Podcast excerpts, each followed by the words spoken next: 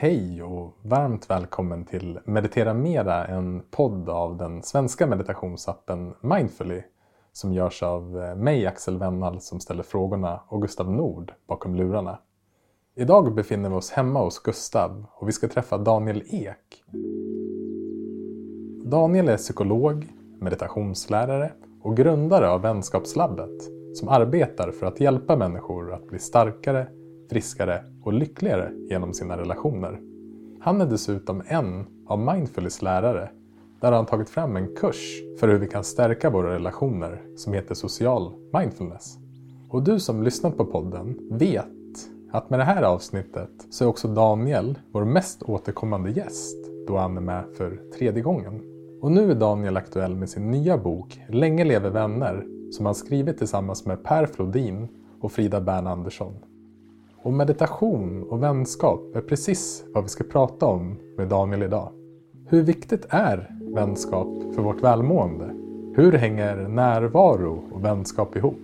Och vilka tips har Daniel till alla oss som vill meditera mera och stärka våra vänskapsrelationer?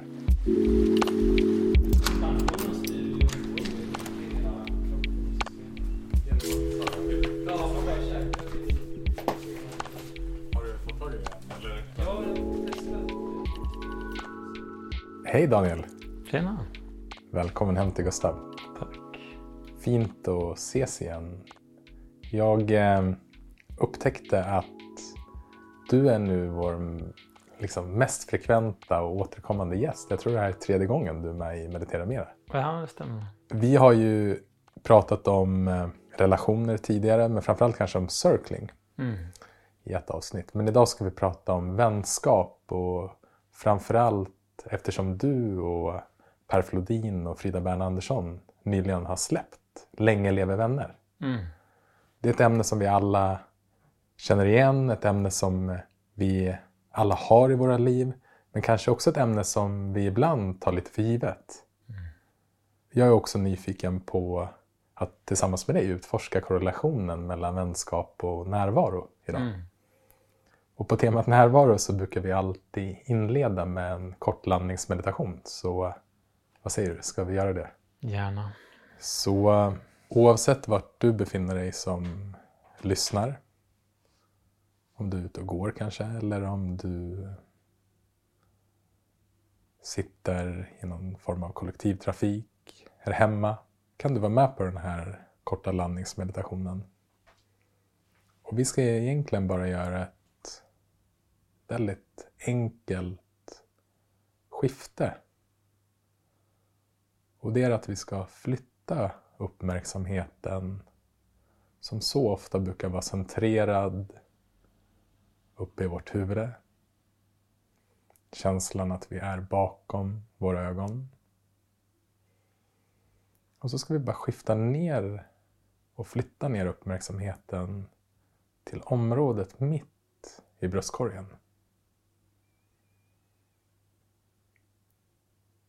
I det här området som kallas hjärtat eller vår hjärtnärvaro.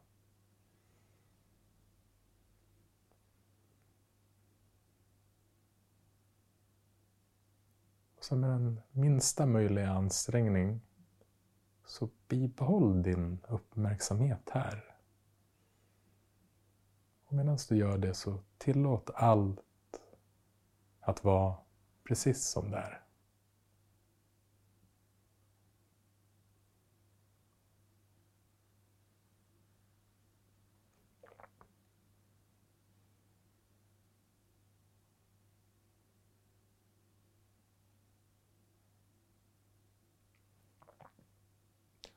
Och så kan du se under det här avsnittet om du kan påminna dig om det här enkla skiftet. Framförallt när tankarna vandrar iväg och uppmärksamheten försvinner iväg. Och se om du kan återigen skifta ner uppmärksamheten här till hjärtområdet. Och så kan vi avsluta den här landningsmeditationen genom att öppna våra ögon om vi haft dem slutna. Daniel, Vad är vänskap för dig idag och hur har din syn på vänskap förändrats under den här tiden ni skrev boken? Mm. Och för de som lyssnar så var det väl också så att ni höll på med den här boken ganska länge, i tre års tid, eller hur? Ja, tre och ett halvt år ungefär. Mm. Så vi har ju stött och blött vår vänskap såklart. Vi var författare och vi har diskuterat mycket och försökt förstå hur kan man zooma in på det här och beskriva det.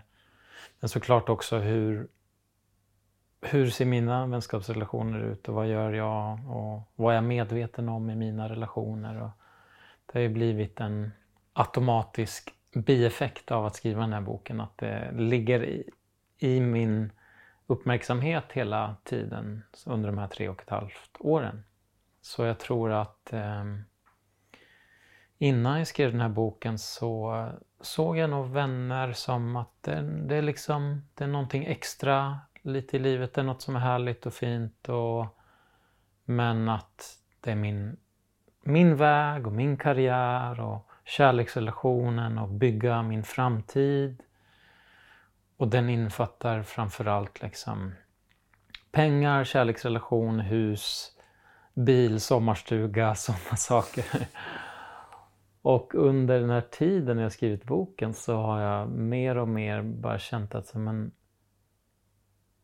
det där är, den idén jag hade tidigare var som ett tanketåg egentligen, ska man säga. En, en, en ganska rak räls som bara säger den ska jag på, för alla andra är på den. Och, ja och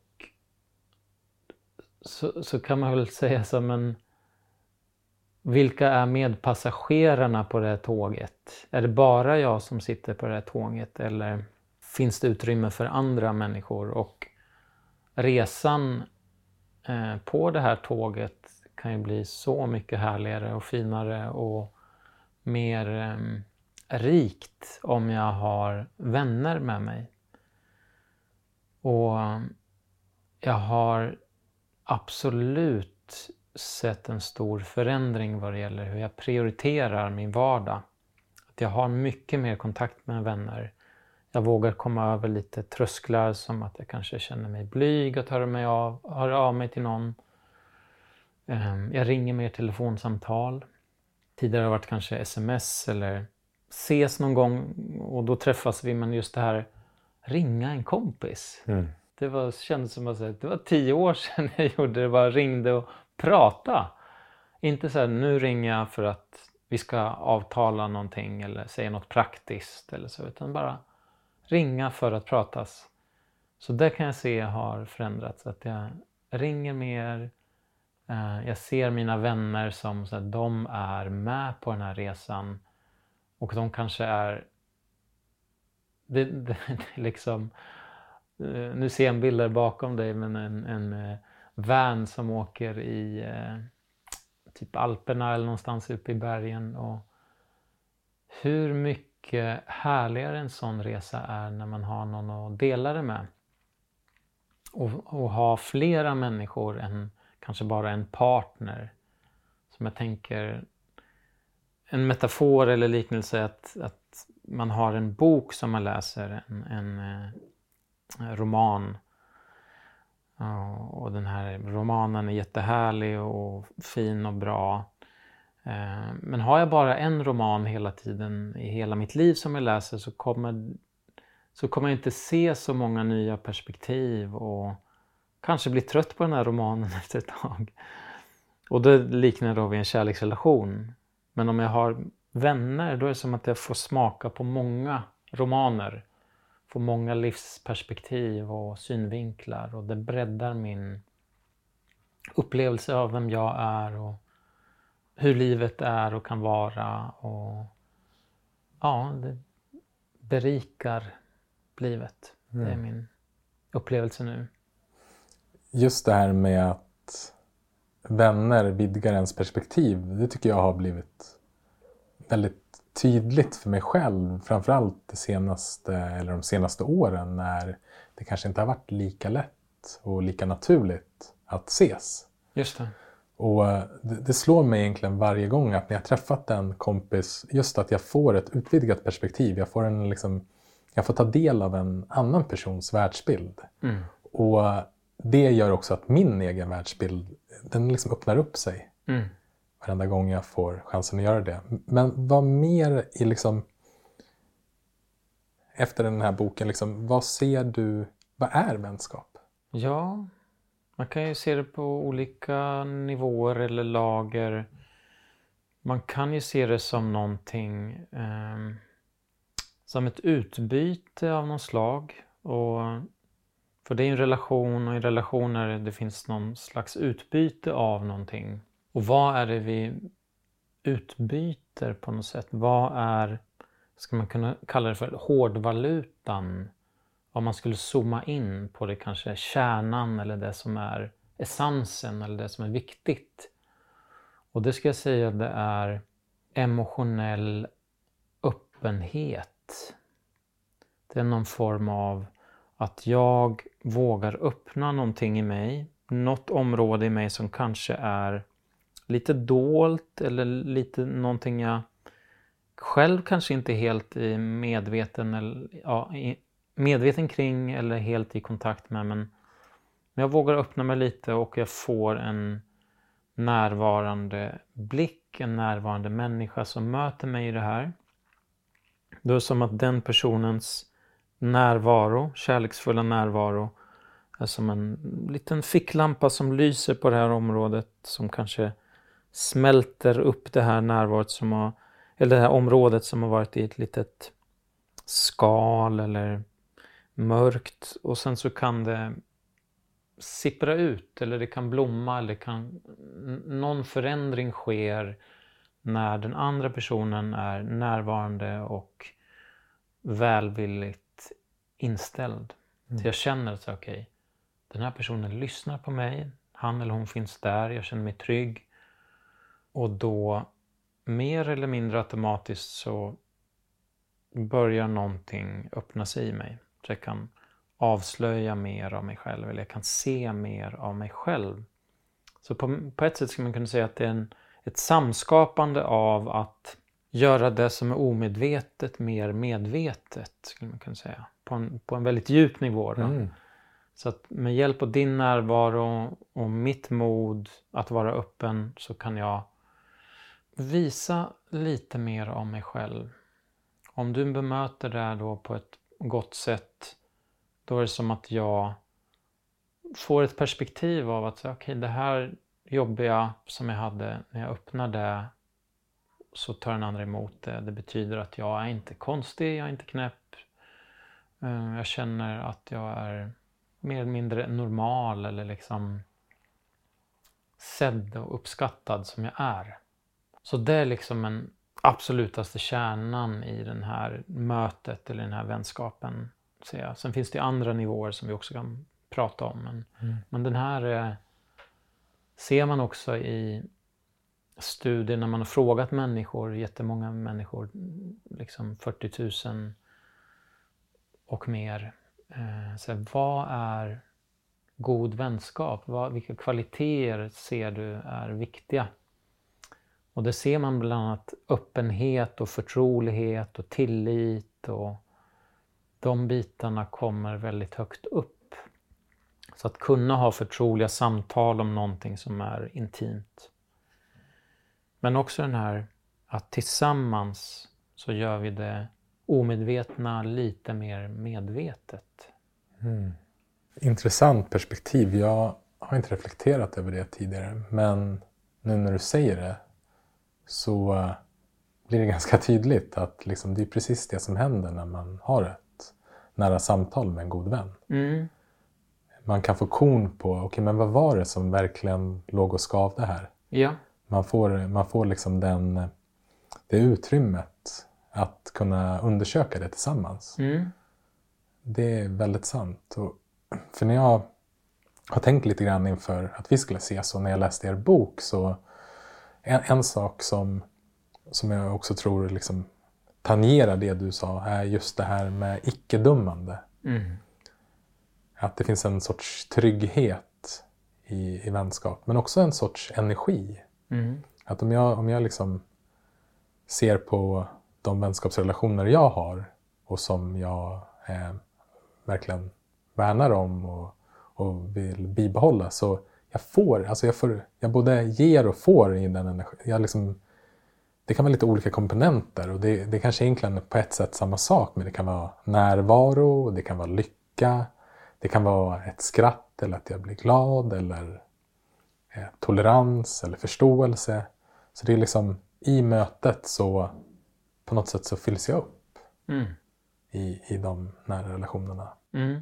Så en, en, också där någon slags samskapande låter det som. Eller att Mm. någonting blir till tillsammans när vi vågar, vågar gå in i, i närvaron eller mötet. Eller, Mm, ja, verkligen. Och, och lite också har jag reflekterat över, se hur det här landar hos dig, men att när jag är med mina bästa vänner och varför de kanske är mina bästa vänner mm. är för att jag kan vara mig själv med dem. Mm. Jag behöver liksom inte spela en roll. Precis. Jag kan vara helt ärlig. Mm. Ja, men liksom, jag kan slappna av. Mm. Precis. Eh, Utandas ut nu, men det är den känslan. Ha, Ja. Okej. Ja.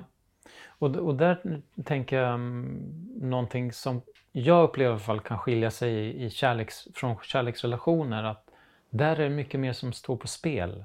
Mm. Så här, tänk om hon eller han få veta vad jag innerst inne tänker eller känner. Eller om jag berättar vad jag har gjort, någonting som jag skäms över. Eller, då kanske jag blir lämnad. Så det är mer at stake så att säga.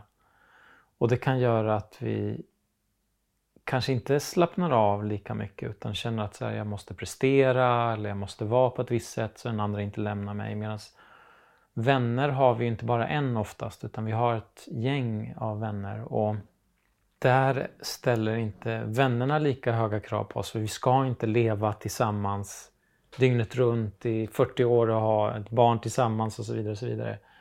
I de flesta vänskapsrelationer i alla fall. Så att det blir inte heller samma krav och press. Så jag håller med där, där du beskriver att det är någonting här som gör jag kan slappna av lite mer. Det finns som en, ett, eh, ja, men ett tillbakalutande. Liksom. Så jag lutar mig tillbaka i soffan, jag kommer till min vän och känner så här, ah, nu kan jag få liksom, vara mig själv, dryfta saker, bolla saker, testa idéer, testa att säga grejer som jag kanske inte skulle våga säga till min partner. För att det, det är liksom... Ja, det kan vara mycket at stake.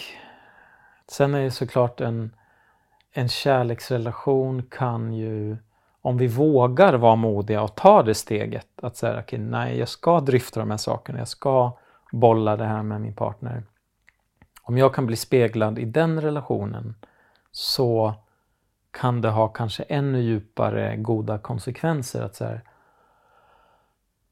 okej, hon eller han som jag älskar, som jag är så kär i eller liksom som jag vill vara med, spendera mitt liv med.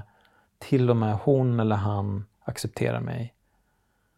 Så att jag tänker att det finns en, också en trolig potential i både vänskap men också kärleksrelationer att få någon slags läkande eller acceptans eller känna sig sedd och bekräftad. Mm. Men att det kanske är lite olika saker på, på spel på något sätt. Jag känner igen det här jättemycket. För det är lite som att du beskriver mina tidigare relationer Ja. och hur jag har varit i dem. Alltså just det här att det finns en rädsla av att, eh, att behöva vara på ett visst sätt. Och, och den rädslan, om, om man har med sig den inledningsvis i relationen, är det väldigt svårt sen att, att vara sig själv. Ja. Utan man har på något sätt satt liksom scenen där. Mm. Men även om er bok handlar just om vänskapsrelationer så tycker jag i alla fall att när jag läste den så tyckte jag det fanns flera både övningar och, och liksom intressanta stycken i boken som jag tyckte var direkt applicerbara på min och min frus relation. Ja. Och jag tror precis som att du är inne på att för vår syn på kärleksrelationen är ju ganska romantisk. Mm. Och um, det finns ju såklart massa olika knep för att bibehålla den typen av glöd och låga som jag tror är jätteviktig. Mm. Men det är ju också sen så att även en kärleksrelation blir en annan typ av relation. Mm. Där jag skulle säga att just den här, de vänskapsbanden är kanske de absolut viktigaste banden. För Mm. man spenderar så mycket tid tillsammans. Ja. Så det jag tycker är inspirerande är, och när jag hör dig berätta, att så här, men vi ska nog lära oss mer av hur vi är med våra vänner Mm. och applicera in det i våra kärleksrelationer. Och ha med oss det från start. Mm. För eh, eftersom jag hade, eh, liksom, jag hade upptäckt att så här, okay, men nu har jag ju försökt på det här sättet Mm. och det funkar inte.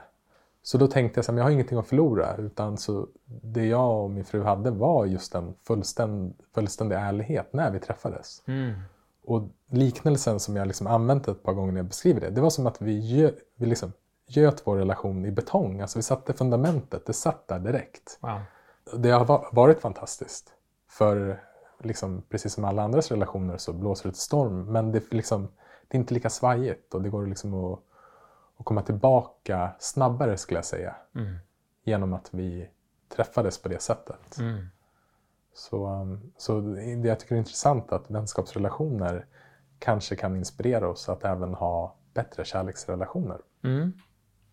Är det någonting, var det något speciellt i boken som du kände så här, men det här kan verkligen översätta eller det här ger mig en ny synvinkel eller eh, eller vad i det vänskapliga känner du, eller om man säger så här, på vilket sätt har er kärleksrelation gått över till vänskapliga kvaliteter? Vilka är de kvaliteterna? Eller? Nej, men jag, jag tror jag ser det mera som att eh, Anna, min fru, hon är också min bästa vän. Mm. Och att någonstans så var det ett skifte från att jag skulle träffa någon som jag var kär i. Ja. Vilket jag var fullständigt knocked out av, av henne när jag liksom träffade henne. Så jag var kär. Ja. Men jag insåg också ja, men jag vill ju träffa någon som jag ska kunna dela mitt liv med. Det var en intention jag hade, eller en önskan. Mm. Och, och där i så liksom såg jag att okej, men vi, vi är också varandras liksom, bästa vänner. Mm. Och sen har jag flera andra bästa vänner också. Men den känslan, och, och- det kan vara allt ifrån, som exempel när jag läste er bok så har ni med, jag tror en övning att man kan försöka sätta sig in i den andra personens perspektiv. Jag tror ni kallar det prisma Mm. eller Ja, liknande. precis. Ja. och det var också en sån här, en väldigt nyttig påminnelse. Mm. Hur enkelt det är att alltid utgå från sig själv. Mm. Alltid utgå från vad man ser vad den andra gör för fel. Ja. Men att bara liksom kunna flytta perspektiv Mm. och se och kunna förstå mer vad som är viktigt för henne. Mm. Och bara där så liksom blev det 10 kilo lättare. Mm. Bara av den lilla liksom enkla förflyttningen. Ja. Mm. Nej, jag, jag håller med. Eller jag, jag, mycket av det vi skriver i boken ser jag direkt koppling till det här är lika applicerbart i kärleksrelationer. Och jag hör många som har längre relationer som beskriver det här. Men min partner är min bästa vän. Vi kan prata om allt. Eh, jag känner mig trygg. Jag kan dryfta saker utan att känna att jag är rädd för att direkt bli ifrågasatt eller eh, liksom att tryggheten över tid skapar någon form av man släpper den där presteraren eller den där rädda delen och att man kan ja, men testa hypoteser brukar jag tänka eller testa grejer. Så, okay, men nu testar jag säga det här eller nu testar jag vara lite öppen eller avslöja någonting. Hur möter min partner mig då?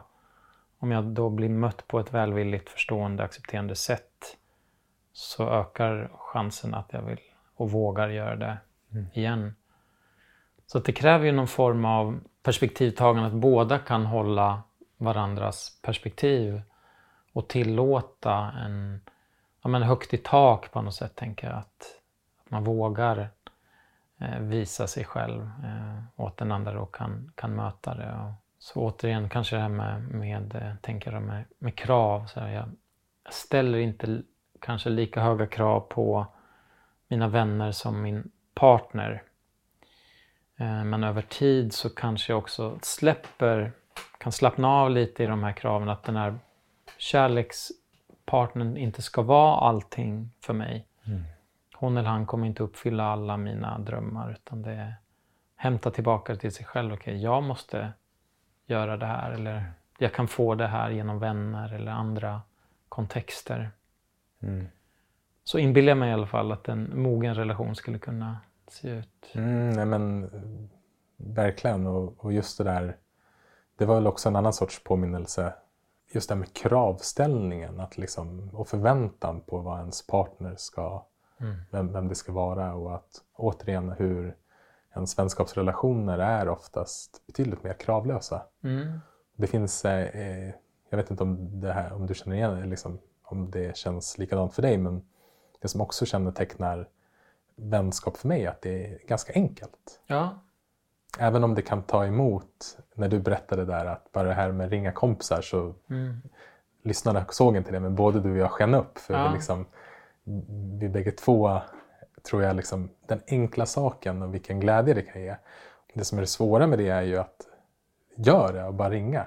Ja. Och sen i alla fall alltid när jag pratar med en kompis så är det liksom, det är bara så jäkla roligt. Ja. Och så enkelt och bara så naturligt. Ja. Och det var en annan del som jag verkligen reflekterade över när jag läste er bok.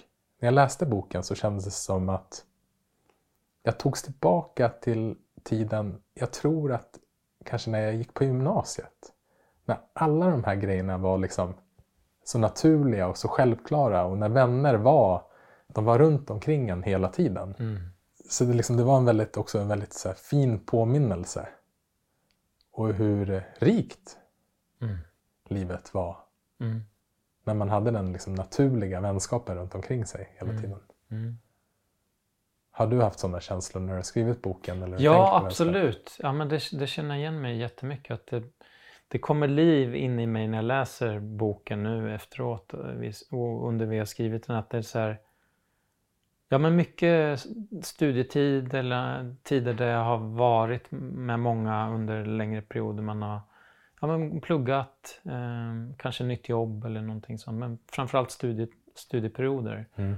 Och just den här lättheten. Alltså, men vi hänger med varandra och vi, vi, vi liksom vi ställer inte så höga krav på varandra. Det är inte som att så här, jag måste få ut någonting av den här personen som jag ska träffa. Han eller hon måste de här karaktärsdragen och XXY sätta liksom att det är inte en kravlista utan så här, aha, den här personen har den här lilla lustiga grejen och den här personen har den här konstiga mm. lilla egenskapen och så vidare. Att, att det blir rikt på det här viset att jag var mycket mer så när jag var yngre, att mycket mer tolerans för olikhet. Mm. Jag kommer ihåg att jag pluggade i Portugal ett år, i Lissabon och kom människor från hela världen och olika kulturer och och då var det så här, jag umgicks med alla. Och det var, det, var, det var så rikt att se allas egenheter.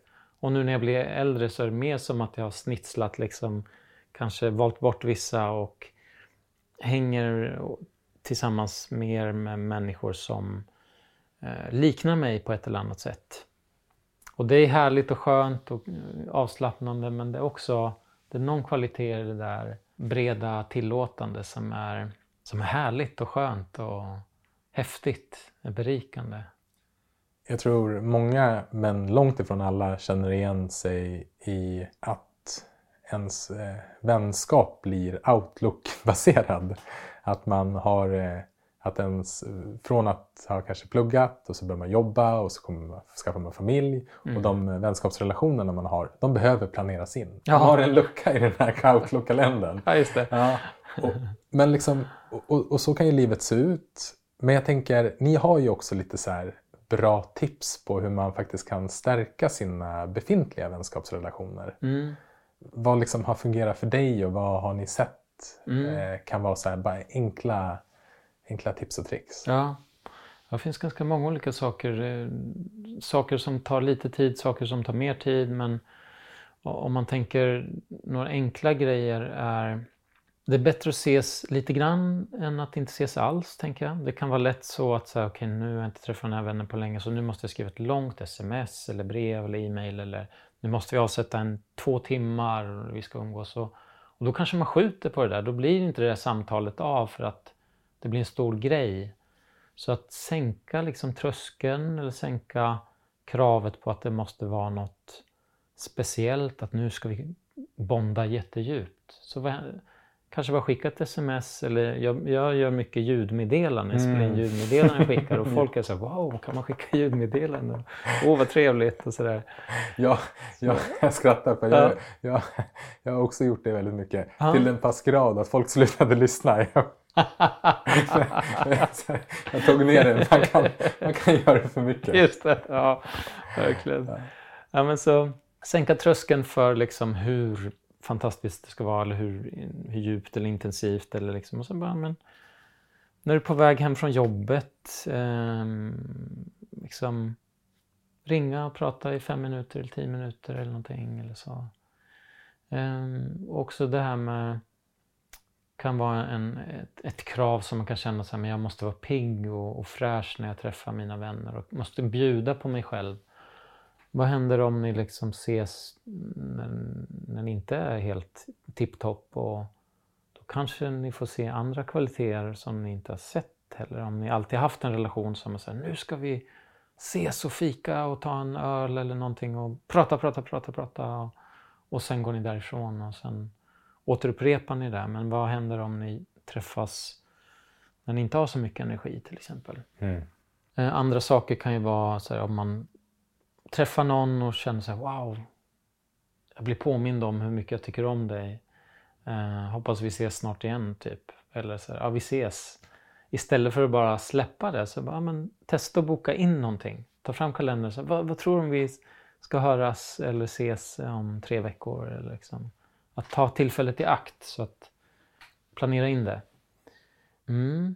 Så det är några sådana enkla tips tänkte också på mm. det, det som dyker upp för mig när du berättar är just det här hur lätt det är med tiden när det går länge att, att det kan, precis som du är inne på, att det kan bli lite liksom komplext eller att det ska bli någon form av prestation. Mm. Jag har en kompis och det kan dröja ganska länge mellan vi ses. Men han är fantastisk för varje gång när vi ses igen mm. så brukar han säga att ah, det var så länge sedan vi sågs. Skitsamma vad som har hänt. Och så ah. bara startar vi om där ah. vi är precis där och nu. För att det blir liksom så fyra månader ska man försöka återberätta det förflutna. Det här, det här, det här. Det så bara stryker vi det. Ja. Och så ses vi där och då. Så och då är det som att ja, vi sågs igår. Härligt. På något sätt. För med den lättheten. Och också det som slog mig när du berättade det här i hur lätt hänt det är att man ska ha middagsbjudningar och det mm. ska vara det ska vara så speciellt och att det finns också en förväntan. För när man inte ses så ofta, mm. då vill man få ut så mycket av den kontakten. Ah. Och det är lätt hänt att man blir kanske lite besviken. Ah. Och att det blir en form av prestation. Att man måste vara väldigt liksom glad och energifylld. Mm. Men någonstans så, som vi varit inne på så känns det som att de bästa vänskapsrelationerna är när det blir så enkelt som möjligt. Ja. Och kanske mer spontant eller... Ja. Mm. Precis. Det är som att eh, i avslappningen så finns det möjlighet för någonting nytt att komma upp, tänker jag. Alltså om, om, om det alltid är hög energi, eller man ska säga, då, då kanske man missar saker också. Man, om, om, man är, det är som att, att liksom spola en film snabbt så ser man inte så många detaljer, men om man tar ner det i slow motion så ser man nya saker. Ja, jag, jag, kan uppleva att när, när det finns utrymme för att andas, sakta ner, inte så mycket föreställningar om vad vi ska eller måste göra, då singlar det upp liksom saker från det inre som man kanske sätter ord på eller så ser den andra någonting i en själv som tillåter sig bli sedd mm. i det. En annan sak som jag tänkte på medan jag läste boken som jag tror att många av lyssnarna känner igen sig i är att om man påbörjar någon sorts av inre äventyr, man kanske börjar meditera, man börjar lära känna sig själv, så är det ganska vanligt att man också gör någon större liksom, yttre förändring i livet. Mm. Man kommer mer i kontakt med vad som betyder mest i ens liv och man börjar inse att man kanske har varit väldigt omedveten i vissa relationer eller i vissa delar av livet vilket gör att man man, man blir lite annorlunda. Mm. Och där i tänker jag att en sak som vi också får med oss i våra vänskapsrelationer, eller egentligen i alla relationer, är ju våra roller. Mm. Att vi har varit på ett visst sätt hur kan vi liksom ändra på de rollerna som på något sätt har liksom cementerats i vissa relationer? Mm. Och hur kan man göra det för att skapa ännu djupare och rikare vänskapsrelationer? Mm. Ja, jag skulle säga att en kanske lite enklare sak är, jag vet inte hur enkel det är, men, men en, en tydlig konkret sak är att byta kontext. Så att om vi har en kontext som vi alltid ses i, att dricka öl eller fika eller spela bandy eller vad det kan vara. Eh, om jag testar att byta kontext tillsammans med den här personen så kommer automatiskt jag och den andra bete sig lite annorlunda. Vi kommer få se nya saker. Som, som, som i mitt fall då, som en, en kompis som jag bjöd in mig själv i princip att fira jul med han och hans föräldrar. Det krävde en viss, eh, viss mod liksom. Men okej, okay, jag, jag vill inte hänga med mina föräldrar av någon anledning just då. Och jag var nyfiken på vem är han och hans familj liksom. Mm. Och det var ju jättespännande. Jag fick ju se jättemycket sidor av honom som inte jag sett tidigare. Och eh, ja, med hans familj, syskon, föräldrar, liksom kunde sy ihop olika förståelser kring vem han är utifrån hans historia och familjebild. Liksom. Och då behövde inte eh, varken han eller jag göra så mycket förändringar i oss själva utan det är liksom kontexten. När den förändras så bjuder det på mycket nya beteenden och insikter och saker. Så det kan vara testa att göra någonting nytt tillsammans. Eh, om ni alltid ses på ett visst sätt, eh, gör något annat, gör tvärtom. Om ni alltid ses och fika, testa och spendera längre tid tillsammans eller åk bort, spendera några dagar borta tillsammans eller gå en promenad eller gå på en konstutställning eller poledancekurs eller mm. egentligen vad som helst. Eller meditationsretreat till exempel. Så det är, en, det är en enkel sak. Man kan också tillföra någonting nytt i kontexten. Jag tänker återigen på mina föräldrar som jag är intresserad av, vilka de är och vart de kommer ifrån. Men för mig var det lite för stort steg att direkt prata med dem om de här sakerna och ställa direkta frågor. Så istället så bjöd jag in någonting nytt i kontexten, vilket var så här. Jag gör ett projekt nu där jag filmar er och frågar er om er historia. Eh, så det blev någon slags projektgrej och då kunde jag ha en ursäkt att, att föra in det här. Och på en vänskapsnivå då, eller vänskapsrelation, då kan det ju vara att eh, förändra kontexten på något sätt. Du behöver inte byta kontext, men okej, okay, jag tar med ett spel Eh, ska vi testa att spela det här spelet tillsammans? Eller jag har läst en bok. Eh, jag vill dryfta några saker med dig om den här boken. Eller, eh, eller vi kan läsa en bok tillsammans och diskutera den. Föra in något, något nytt. Mm. Ger väldigt stor utdelning.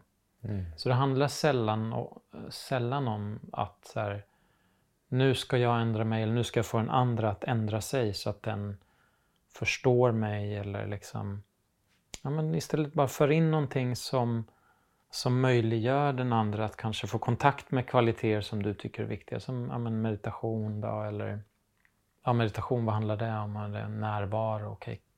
Vi kanske inte måste sitta och meditera tillsammans utan det kan vara någonting annat. Att vi lyssnar på musik och, och berättar hur, vad kändes i kroppen eller vad väckte det för tankar eller upplevelser. Eller, mm. Så var lite kreativ kring det. Mm. Ja, men jag har också sett att jag träffade några av mina äldsta eh, vänner från Västerås där jag växte upp för någon helg sedan. Och eh, det var så intressant för att helt plötsligt så agerade jag på ett sätt som var liksom, just det, så här, så här höll jag på för 6-7 år sedan. Mm. Och jag bara liksom drogs tillbaka till den här gamla rollen. För mm. liksom, vi träffades på en, vi var ute och käkade, liksom, precis som du beskriver, var den här samma kontext. Men det som jag tyckte var så intressant då var att ändå den här formen av medvetenhetsträning gjorde mig, alltså liksom, jag blev medveten om det. Oj, nu är jag här. Mm. Och så fick jag det liksom perspektivet, så här, vill jag vara kvar här? Mm. Jag kunde ställa mig själv den frågan, så bara, nej, det här känns lite tröttsamt. Mm. Och, och det jag märkte att jag kunde också skifta då och kliva ur min roll var just bland annat genom att vara nyfiken. Ja. Och inse att så här, okay, men det är jag som spelar den här rollen. Mm. Vilket också innebär att jag kan sluta spela den här rollen. Mm.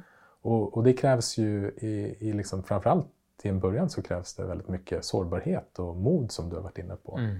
Eh, du sa ju det själv, det krävs väldigt mycket mod för att fråga någon om man får följa med hem på Mm. julafton. Mm. Men det är också i där, i den sårbarheten och modet som autenticiteten finns. Det är Ja. där vi kan öppna upp vår kärna och vara oss själva. Ja. Och eh, det är inte lätt, Nej. men belöningen är fantastisk när Ja. vi vågar göra det. Ja. Hur blev det? Jo, men det, jag kunde kliva ur det och jag kunde Mm. också, vi kunde också prata om liksom, den rollen jag hade tidigare. Jag, jag fick liksom träffa mitt tidigare jag på ett sätt. Ja. Och eh, jag kunde liksom se att ja, men det där var kul men jag kunde också liksom ta den rollen för långt och, Mm. och vara liksom en jä- jäkla jobbig jäkel. Ja.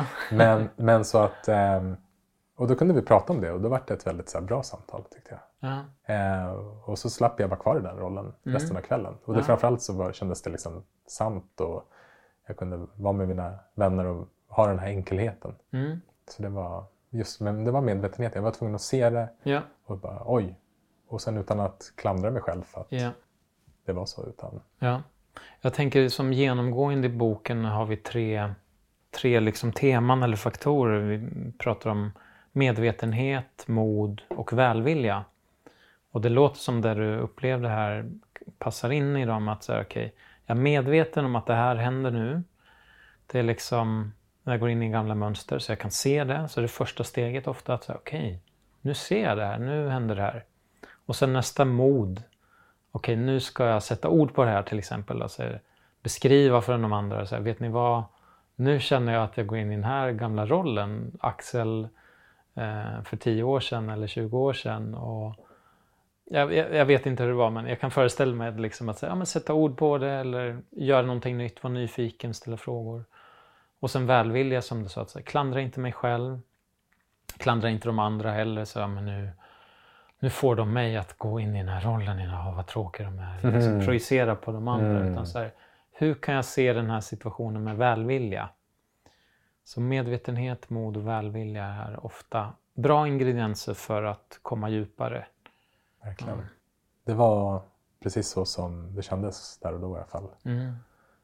Jag tror att vi alla liksom, vi alla vet att vänskap är viktigt. Vi alla Mm. liksom känner igen det. Men vilka forskningsstudier tycker du har varit liksom mest spännande att, att stöta på och läsa om i ert arbete? Mm. Vad liksom, är det någonting som har förvånat dig eller någonting som har bekräftat det du har känt Mm. själv? Ja, jag tror mycket har bekräftat i alla fall min... ehm, Ja, man säger så att när jag började skriva boken så kom det ifrån att jag kände mig stressad och eh, ensam. Och jag förstod att det berodde på att jag inte prioriterat vänskap tillräckligt mycket. Och sen när jag började prioritera det under bokens gång så, så är det mycket saker som har lättat, mycket saker som har släppt, mycket jag känner mycket mer glädje och liksom närvaro och jag känner mig berikad. Att jag har ett mycket mer rikt liv. Och eh, nu vet jag inte exakt om vi skriver om de här sakerna i boken men mycket so saker som jag har kommit i kontakt med när vi har läst mycket artiklar och så. Är det sista som har varit med mig de senaste veckorna är det här med att vetskapen om att faktiskt det jag säger eller det någon annan säger och, och när jag har ett möte med någon så är det som att vi påverkar varandras hjärnor. Om jag säger någonting så kommer det få ett avtryck i din hjärna. Om du säger någonting eller möter mig på ett visst sätt så kommer det få en avtryck i min hjärna. Så att det är som att vi samskapar varandra ständigt i stunden. Precis som man tar en tablett, en medicin som förändrar, påverkar mm, kemin i min kropp så påverkar också positiva vänskapsrelationer vår kropp.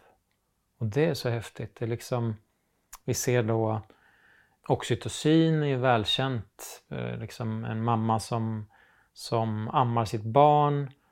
Eh, hon får mer oxytocin, barnet får mer oxytocin. mamman kan liksom få bättre mjölk eller liksom mjölken rinner till och mamman känner kärlek och det blir någon slags kontakt.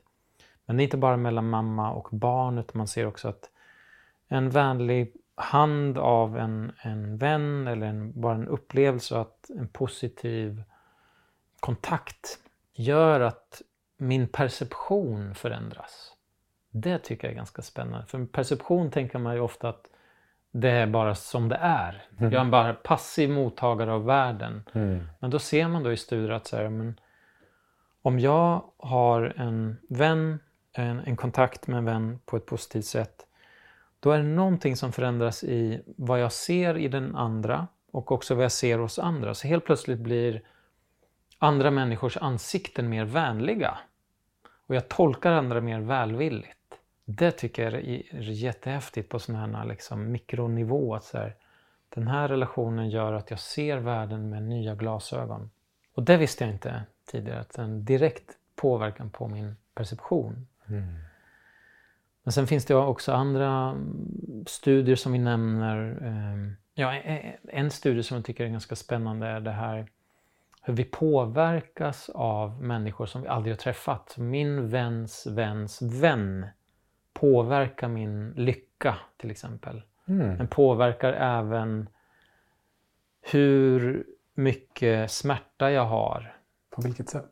Ja, man förstår inte, som jag förstår det, helt exakt hur det funkar. Men det är som att man pratar delvis om känslosmitta. Så att om en person skrattar så är det lätt att den andra skrattar också. Så kan skrattet spridas. Och det, jag tror vi nämner det i, i boken, men det var en epidemi i ett afrikanskt land, jag tror det var i Tanzania, för inte så jättemånga år sedan, jag, jag kommer inte ihåg exakt årtal, men då såg man att det blev en epidemi av skratt. Eh, i, i, hos, det började i, i, i, skolan och sen pågick det här i över ett år tror jag. Den tog aldrig slut. Det bara, någon förde det här skrattet vidare så bara fortsatte det, fortsatte det, fortsatte det. Och, och barnen kunde inte studera för att liksom hamna i den här skrattepidemin ett tag. Så dels så tror man att känslor kan smitta från människa till människa. Eh, men så ser man också att, eller man tror i alla fall att normer kan förflyttas liksom så att eh, min kompis kompis kompis, eh, om han eller hon är överviktig då blir det mer okej okay för mig på något sätt att vara överviktig och då på något sätt så slappnar jag av i mitt ätande och kanske äter mer till exempel. Då. Men man, jag tror inte man har exakt förstått hur det funkar men, men det är väldigt spännande hur... Och man pratar också om att om jag får en vän i mitt nätverk som är, mår bra och sprider positiv energi så är det påverkar det min, mina lyckonivåer mer än att få 100 000 i löneökning per år. Jag vet inte exakt hur de har räknat ut det, men eh, det är spännande tycker jag att mm. vi är en, ett nätverk. Vi är inte enskilda separata öar utan vi är ett nätverk och vi påverkar andra på sätt som vi inte är medvetna om. Så jag påverkar min kompis kompis kompis eh, och de påverkar mig utbyte eller samspel och sådana saker tycker jag också är spännande. Mm. Vad intressant att se liksom att även forskningen kan, kan på ett sätt påvisa hur vi alla är sammankopplade. Ja. För det här är en, en, en mer av en förnimmelse som man själv kan ha hur vi alla påverkar varandra ja. och hänger ihop. Ja. Vi har ju varit inne ganska mycket på befintliga vänskapsrelationer. Mm. Men ni tar ju också upp en hel del om hur man kan skapa sig nya. Mm. Och eh, en av de kapitlen som jag fastnade lite grann vid, vid boken var det här med att också börja prata med främlingar. Mm. Som eh, kanske eh, rent kulturellt här i Sverige i, när vi spelar in det här i december det, och vi är i Stockholm. Mm. Det är kanske inte det var mest vanligt förekommande. Men vad har man sett eh, när man pratar med främlingar? Vad, mm. liksom, vad ger det oss människor? Ja, ja, jag tycker det är jättespännande. Så, ganska häftig studie där man gick till en tågstation och eh, rekryterade då människor som, som man sa då till dem att okej, okay, det här experimentet som du ska få vara med nu är att under den här tunnelbane liksom, eller tågresan så vill vi att du ska prata med en främling. Så ställer man frågor, så här, vad, vad tror du kommer hända? Hur tror, hur, känns, hur tror du det kommer kännas för dig? Hur tror du det kommer kännas för den andra? Och så vidare. Så fick de göra det här och sen så fick de efteråt göra, svara på liknande frågor men också den de hade pratat med fick svara på de här frågorna. Och det man ser då är att både introverta och extroverta tror att personen jag kommer prata med kommer vara besvärad. Jag kommer vara besvärad, det kommer kännas jobbigt, det kommer liksom ja, vara en awkward situation och det kommer inte kännas så jättebra. Sen när man väl eh, har klivit av tåget och haft den här konversationen och tittar på hur var det så bara, det är helt tvärtom. Man, man felbedömer hur trevligt det är att prata med någon okänd människa till och med. Mm. Här då. Och det här ser man också då att det handlar inte bara om att, eh, att prata, eh, rädsla för att prata om någon eller liksom att man misskattar det här fel utan också generellt sett med att man verkar tro att man är mindre omtyckt än vad man är när man är med sina vänner eller att man, man kallar det för the liking gap. Eh, som man har till och med ett begrepp för. Alltså det finns ett glapp mellan hur omtyckta vi är och vad vi tror mm. om det här. Så vi tror inte vi är så omtyckta som, som det visar sig mm. i verkligheten. Ja, men jag tänker tillbaka på de gångerna då jag har pratat med främling och det, det liksom hänger på något sätt ihop att oftast brukar känslan vara så positivt överraskad över också att eh, få se mina fördomar smula sönder. För ofta så är tanken eller känslan eh, att ja, men den här personen är, liksom, den här är väl ingen snäll eller glad eller rolig. Och sen i princip alltid när man pratar med någon så möts man ah av en eh, schysst och vänlig person. Och det är väldigt fint att bara få det mötet. Och jag, jag och Gustav vi har en gemensam vän som heter Carolo och han kommer från Tyskland. Eh, och jag vet inte om det är liksom bara han eller om det är mer av en tysk kultur. Men han är fantastisk på att prata med främlingar. Mm. En stor inspirationskälla. Jag minns en midsommar. Vi var fira, nere och firade i Mulle. Och så skulle vi gå, han och jag skulle gå ner och köpa glass. Och så var det liksom ett torg. Och så kan man liksom se den här bilden framför sig. Det var ungefär åtta personer på det här torget som var liksom utspridda i, då i varje hörn. Fem minuter senare efter Carol hade kommit hit stod alla i en ring och pratade tillsammans. Wow. Bara genom att han liksom, hallå, tjena, det där. Och bara liksom plockade upp alla.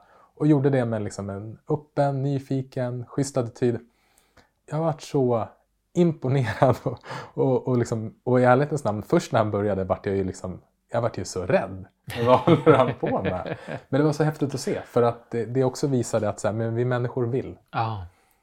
Och vi människor vill möta varandra på ett schysst sätt. Mm. Och det var så fint att se att han bara hade sett igenom den illusionen som jag hade burit med mig att människor inte skulle vilja få Just kontakt. Ja. Jättehäftigt. Nu blir jag inspirerad. Jag känner mina ögon bara lyser och så här, det här måste jag testa själv. För det är jag inte sånt som...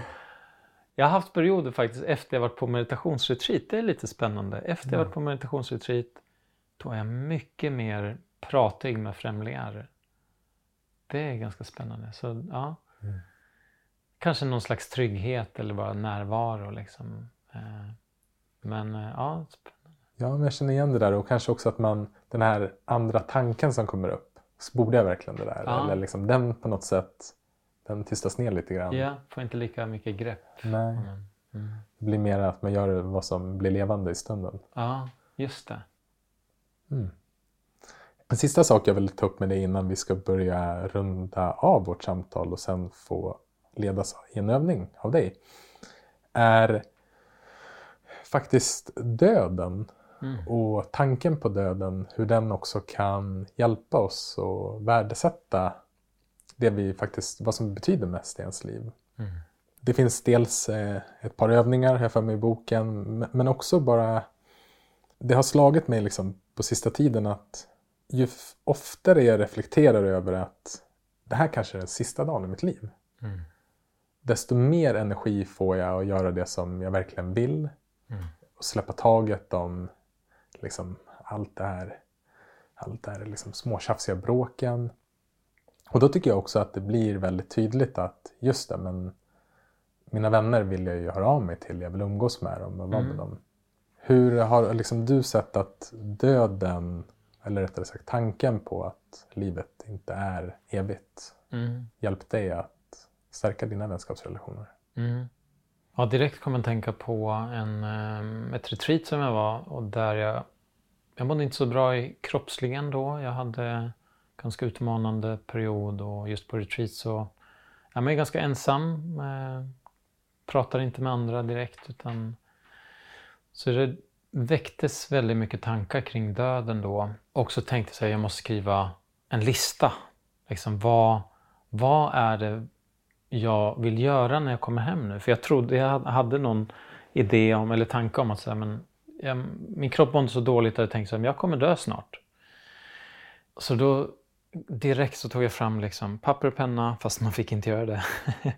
jag, sa, jag måste skriva ner vad är det jag längtar efter när jag kommer hem, vad är det jag ska göra mycket av. Och då var det dansa, liksom. jag älskar att dansa. Nummer två, besök mina vänner. Alltså verkligen så här, jag fick en bild av att jag ska ta min bil, besöka vänner på olika platser i Sverige sova över och hänga och liksom verkligen djup, få en lite mer djup relation till mina vänner. Så här, göra någon tour liksom så.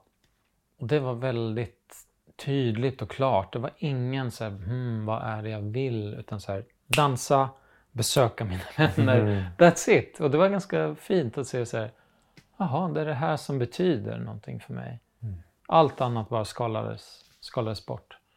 Mm. Och um, jag, jag, känner fortfarande faktiskt samma sak nu. Det är verkligen dans och vänner som är det mest berikande och det jag faller tillbaka till när jag känner mig låg, ledsen eller liksom, ja, men tänker på döden eller döden kommer in i mina tankar. Och, vilket den gör lite oftare. Jag bor på landet ensam och just nu är det väldigt mörkt och svart omkring så på något sätt så kommer tankar om döden lättare till mig. Och då är det dans, vänskap. Mm. Ja, men jag tycker också att det som kan stoppa en från att ha goda vänskapsrelationer att man börjar ta det för givet. Ja. För att det har varit så naturligt i, i vissa delar av ens liv som vi var inne på tidigare i livet. Ja. Då hade man vänner omkring sig vilket gör att man kanske tar det för givet. Men just den här påminnelsen om om döden gör att det blir enklare att, att se igenom det och, ah. och, verkligen komma i kontakt med vad, vad som betyder mest i ens liv. Och en annan sak som slog mig nu när vi har pratat om vänskap är att, och som jag kanske inte riktigt har reflekterat över tidigare, att vänskap på något sätt också är en form, verkligen en form av kärlek. Mm. Jag håller helt med. Jag, jag tänker också vad ska jag säga, det här att som jag kanske började med, eller det här med hårdvalutan i relationer är någon form av jag får din närvaro och jag får möjlighet att blotta någonting som är antingen omedvetet, göra det medvetet, eller blotta någonting som är svårt. Och att bli mött då av en vän i närvaro och acceptans, att bli förstådd. Det är kärlek. Mm. Det är liksom... Det är starkt och det kan sådana såna moments kan ju uppstå egentligen även med främlingar. Det kan vara att man bara byter en blick eller att man tittar på någon med en kärleksfull blick eller närvarande blick. Det... Eh, men vänskap rymmer ju så mycket mer än bara närvaro. Det är liksom att bli stöttad när man har en svår period eller det kan vara praktiska saker. Någon kommer hem och lagar mat när jag är sjuk eller mår dåligt eller ledsen eller ta mig ut på någonting när jag blivit dumpad i en relation. Eller liksom, det är kärlek. Det är, mm. Ja. Mm. Tack för att eh, vi har fått utforska Mm. eh, vänskap med dig idag. Eh, innan du ska guida oss i en vänskapsövning Mm. så eh, brukar vi bara avsluta med fem snabba. Mm. Och eh, jag vet inte om vi gjorde det här sist vi träffades, men, vet men eftersom eh, allting förändras så har säkert också dina svar förändrats under tiden. Men vad är du tacksam för just nu? Mm. Tacksam för det första som kommer är att jag är medveten. Att jag är här och kan, kan uppleva Mm. att jag har livet. Livet är här, att jag, jag finns. Eh, väldigt tacksam för mina föräldrar. De är som pelare i mitt liv, stöttar mig jättemycket. Jag är tacksam för vänner som jag har omkring mig som verkligen är ett skyddsnät för mig. Eh, när jag har det tufft och svårt så är det nog ingenting annat än vänner som kan vända på något sätt, ge nya perspektiv, ge mig hopp. Tacksam över mitt boende. Jag har det väldigt lyxigt att jag kan ha både lägenhet och en litet torp eller stuga. Jag är väldigt tacksam över. Och det sista är något som dyker upp i mig är demokrati. Mm. Ja, att vi har frihet och att vi samskapar liksom, samhället. Ja. Bra påminnelse. Mm. Den är lätt att ta för given. Mm. När var du ledsen senast? När var jag ledsen senast? Ehm, jag tycker det var varannan dag på något sätt. Eh, idag, jag satt och åt på lunch innan jag kom hit så, så var, hörde, jag- överhörde jag en konversation och någon sa någonting om eh, svältande barn i Afrika. Och först kom det någon så här, det är någon så här floskel, någon, någon som driver med det här liksom, ja, svältande barn i Afrika. Men, för mig, men sen så kom det en så här, uh, kom en väldigt djup sorg att så här, åh, här sitter jag på en restaurang och får mat serverad, jag kan betala maten, det är varmt och så vidare. Då kom det någon så här, ja men det var verkligen djup sorg och så här, jag har inte gjort någonting för att förtjäna det här. Det är bara en slump liksom att jag får uppleva det här och någon annan har det väldigt tufft och svårt. Och... Mm. Ja, det var... Det kom oväntat. eh. Fanns det någon tacksamhet där också i den sorgen? Ja, det var, det var liksom som så en känsla av att jag är buren av något som inte jag har förtjänat. Eller liksom, vad ska man säga? Jag har inte gjort mig förtjänt utan det bara finns. Det är någon kärlek som finns som bär mig i det här. Och någon känsla av att men jag vill göra någonting gott. Liksom. Jag vill inte bara ta det här för givet utan jag vill bidra på något sätt.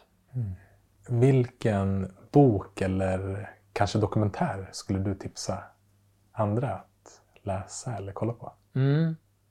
Ja, just nu så har jag en eh, dokumentär som jag såg för en vecka sedan som var så fantastisk. Det var verkligen så här hoppingivande. Allting är möjligt. Och den heter 14 Peaks. Om en eh, nepales som ska visa världen att eh, man kan göra det omöjliga och att visa att nepaleser är de bästa i världen på att klättra i världens högsta berg. Och otroligt inspirerande. Han, eh, alla sa till honom att så här, det här är omöjligt. Så i början av eh, filmen så säger han så här, ja men då ska jag kalla mitt projekt Project Possible. så väldigt inspirerande att så här, är det något du verkligen vill, du kan göra det. Bara du lägger manken till och liksom riktar din energi. Och, så blir väldigt hoppfull över det. Vilket är det bästa rådet du har fått?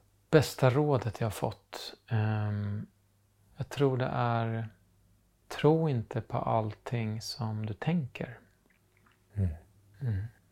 Ja, hair hair. Sista frågan.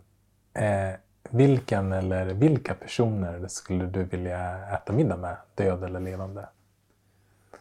Och, och förlåt, jag ska bara fläng- flika in här ytterligare en grej. Du får också se att det här skulle kunna bli din nya kompis. Mm. Så den här middagen är liksom starten på en ny vänskap. Wow. Var det flera man fick välja? Mm. Mm. Steven Levine som är grundare till Somatic Experiencing, en traumaterapimetod eh, som är fantastisk. Honom skulle jag bjuda in, eh, få en smak av hans närvaro. Jag tänker också eh, Joseph Goldstein som är en eh, meditationslärare som jag har väldigt stor respekt för och som har en integritet och erfarenhet och kunskap som är eh, häftig. Mm, jag skulle nog också bjuda med min mamma faktiskt. det är som att hon har ett sätt att få upp energi och vara nyfiken och bjuda på sig själv och få igång samtal och liksom bryta normer. Så hon, skulle, hon skiter i liksom, eh, eh, titlar och sånt där. Hon är bara sig själv med alla. Det skulle vara spännande om hon fick vara med då också. Ja, Stephen Hayes tror jag också, så grunden till ACT. En otroligt skarp hjärna och eh, många järn i elden och väldigt bra på att ta perspektiv och se mönster. Och jag tror det är de just nu som jag spontant tänker på. Trevlig middag. Mm. Okej, okay, men eh, då släpper jag över till dig så ska du få guida oss. Mm. Mm, så du kan bara sätta dig bekvämt eller gå bekvämt eller vart nu den är. Se om det är någonting som du vill justera som gör det bara lite skönare att leva, lite skönare att vara du just nu. Kanske slappna av, släppa seriositeten om det är en sån någonting som du håller uppe. Och bara skulle jag vilja att du tänker på en eh, vän. En vän som lätt ger dig varma känslor. Någon som är skön att vara med, någon som vänlig, någon som du kan vara dig själv med. Och se den här vännen framför dig. Och se den här vännen när den är som lyckligast. Vad är det den gör då? Vart är den någonstans eller vilken aktivitet gör den? Och hur är det att vara med den personen när den är som lyckligast?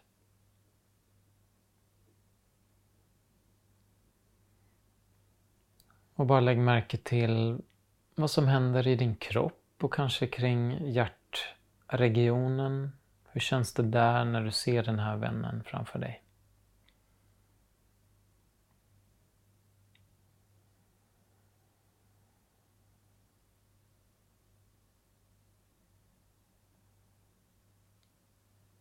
Och kanske till och med tillåta om det är någonting du känner kring bröstkorgen eller magen eller vart nu är. Att tillåta sig att spridas lite grann. Kan du öppna upp lite för de här känslorna förnimmelserna.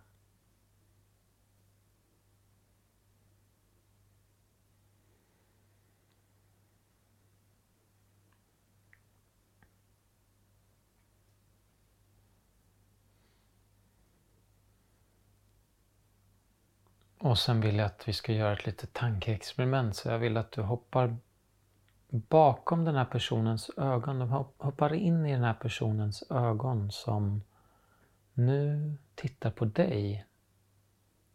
Som ser på dig när du är som lyckligast. Vad är det den ser då? Hur ser du ut när du är som lyckligast?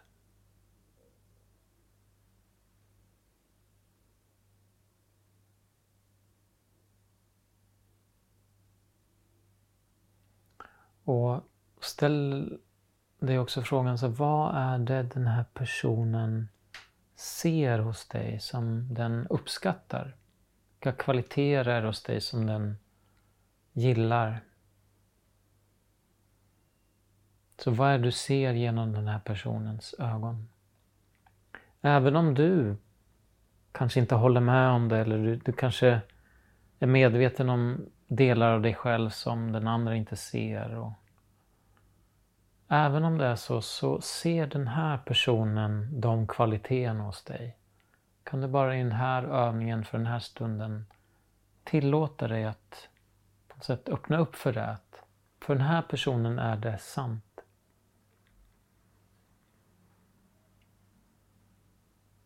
Så vilka kvaliteter är det den ser hos dig? Vad är det den gillar med dig?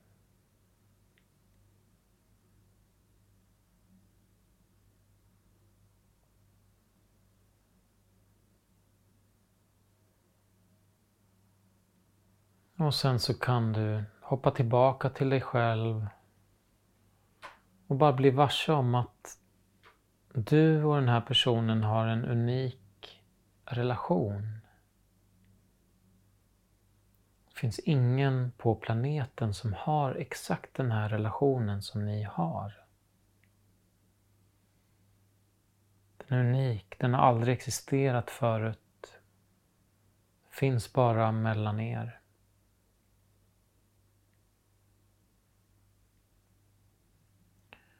Om den här personen skulle försvinna, om du, fick aldrig, om du aldrig fick, mer fick träffa den här personen av någon anledning från idag, det här är sista gången du har sett den här personen.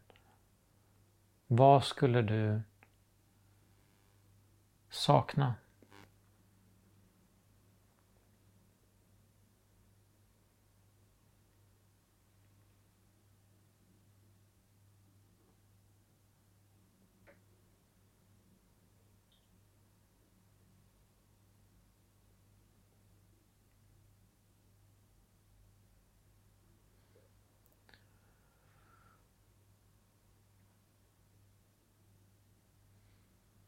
Och så kan du släppa den här bilden, den här relationen och bara landa tillbaka dig själv i kroppen, i hjärtat, där du upplever att du är.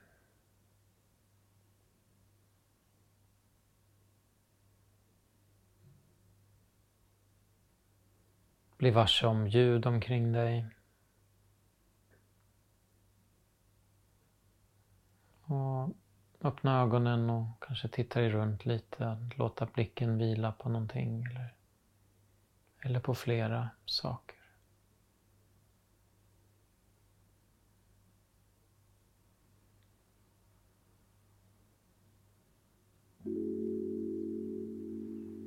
Och välkommen tillbaka.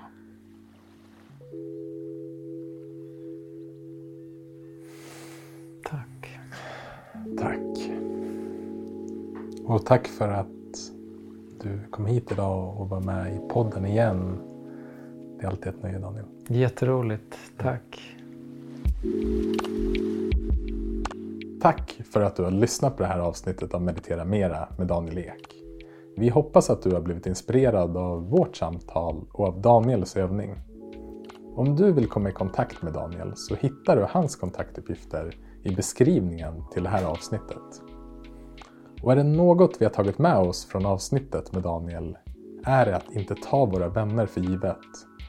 Och verkligen ge dem den tid och uppmärksamhet som de förtjänar så att de kan berika våra liv. Ta hand om dig så hörs vi snart igen.